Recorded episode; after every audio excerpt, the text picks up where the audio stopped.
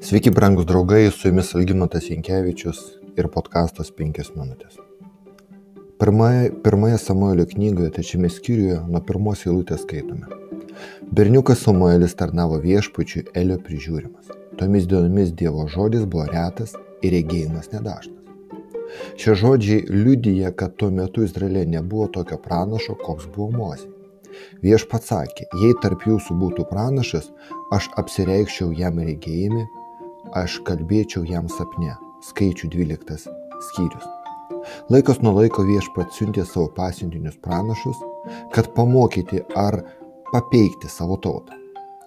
Net pas kuniga Elį atėjo pasiuntinys su nemalonė žinia apie jo netikusius sūnus. Dievo žmogus atėjo pas Elį.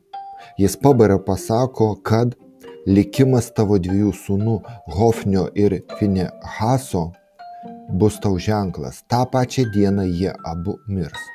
1 Samuelio 2 skyrius.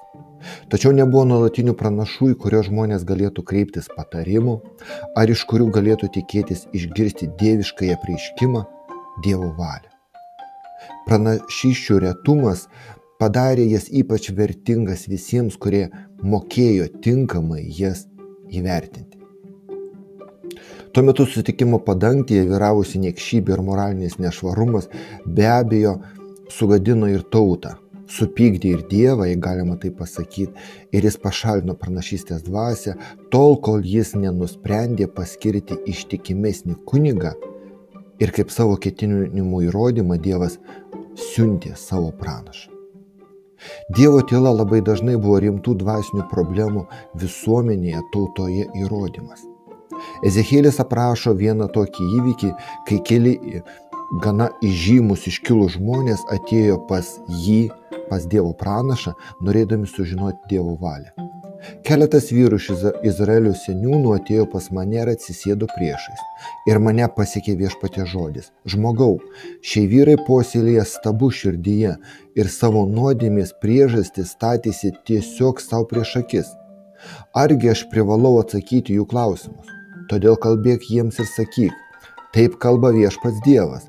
Kiekvienam žmogui iš Izraelio namų, kuris posėlėje stabus širdyje ir statosi savo nuodėmės priežastį tiesiog savo prieš akis, tačiau ateina pas pranašą aš, viešpats, duosiu atsakymą. Įdant apčiuopčiau Izraelyje namus jų širdyje. Dėl visų savo stabų jie visi atsiskyrė nuo manęs. Dievas pasirinko Samuelį. Jis turėjo tapti Dievo pasiuntinį. O Samuelis mėgojo viešpatį šventykloje, kur buvo Dievo skrinė. Tada viešpats pašaukė Samuelį. Samuelis, Samueli, aš čia, atsiliepė jis. Nubėgo paselį ir tarė, aš čia, jei mane šaukiai. Bet šis atsakė, nešaukiau tavęs. Eik atgal, gulkis miegoti. Tada jis sugrįžo ir atsigulė. Samuelis dar nebuvo viešpatės pažinęs ir viešpatės žodis dar nebuvo jam apreikštas. Viešpats vėl pašaukė Samuelį trečią kartą. Jis atsikėlė, nuėjo pas Elį ir tarė, aš čia, jei mane šaukiai. Dabar Elis suprato, kad berniukas šauks kie viešpats. Todėl Elis tarė Samueliui, eik atgal, gulkis miegoti. Jei būtum vėl pašauktas, sakyk, kalbėk viešpatė, tavo tarnas klauso. Taigi Samuelis sugrįžo į savo vietą ir atsigulė miegoti. Viešpats atėjo ir ten stovėdamas pašaukė kaip pirmą. Samuelis, Samueli. Samuelis atsakė, kalbėk, tavo tarnas klaus. Pirma Samuelio knyga, trečias skyrius. Ta naktį viešpats atskleidė Samueliui savo ketinimus dėl Elio ir jo sūnų. Dievas pasakė, kad tą dieną įvykdysiu Eliui visą, ką esu grasinęs jo namams nuo pradžios iki galo. Paskelbiau jam, kad jo namus pasmerksiu visam laikui už šią kaltę. Ji žinojo, kad jo sūnus elgėsi šventvagiškai, bet jų nesudraudė. Todėl prisiekiu Elio namams, kad Elio namų kaltė niekada nebus išpirkta auka ar atnaša. Išgirdę šią baisę pranašystę, Samuelis bijojo eiti ir apie tai pranešti Eliui. Tai nebuvo lengva ir paprasta žinia, kuri gali lengvai perduoti tam, kuriam šitą žinią skirta. Visgi, pranašas privalo tiksliai perduoti viešpačio žodžius. Pranašas Jeremijas pasakė, kad viską, ką viešpats jums atsakys, aš jums paskelbsiu, nuo jūsų neslėpsiu ne žodžio. Samuelį ko gero reikėjo daug drąsos pasakyti Eliui visus šios viešpatės žodžius. Pats Elis norėjo sužinoti, ką viešpats pasakė savo tarnui.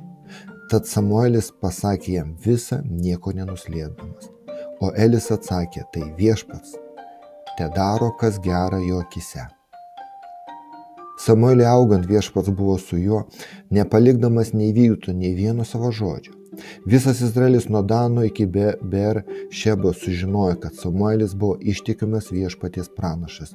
Viešpats ir toliau pasirodydavo Šilojuje. Viešpats apreiškė save Samueliui Šilojuje viešpaties žodžiu.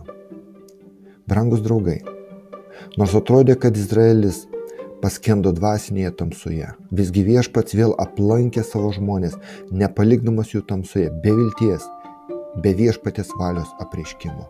Jis atsiuntė pranašą, kuris pasakė, štai aš čia. Su jumis buvo penkios minutės ir Algymantas Jankievičius.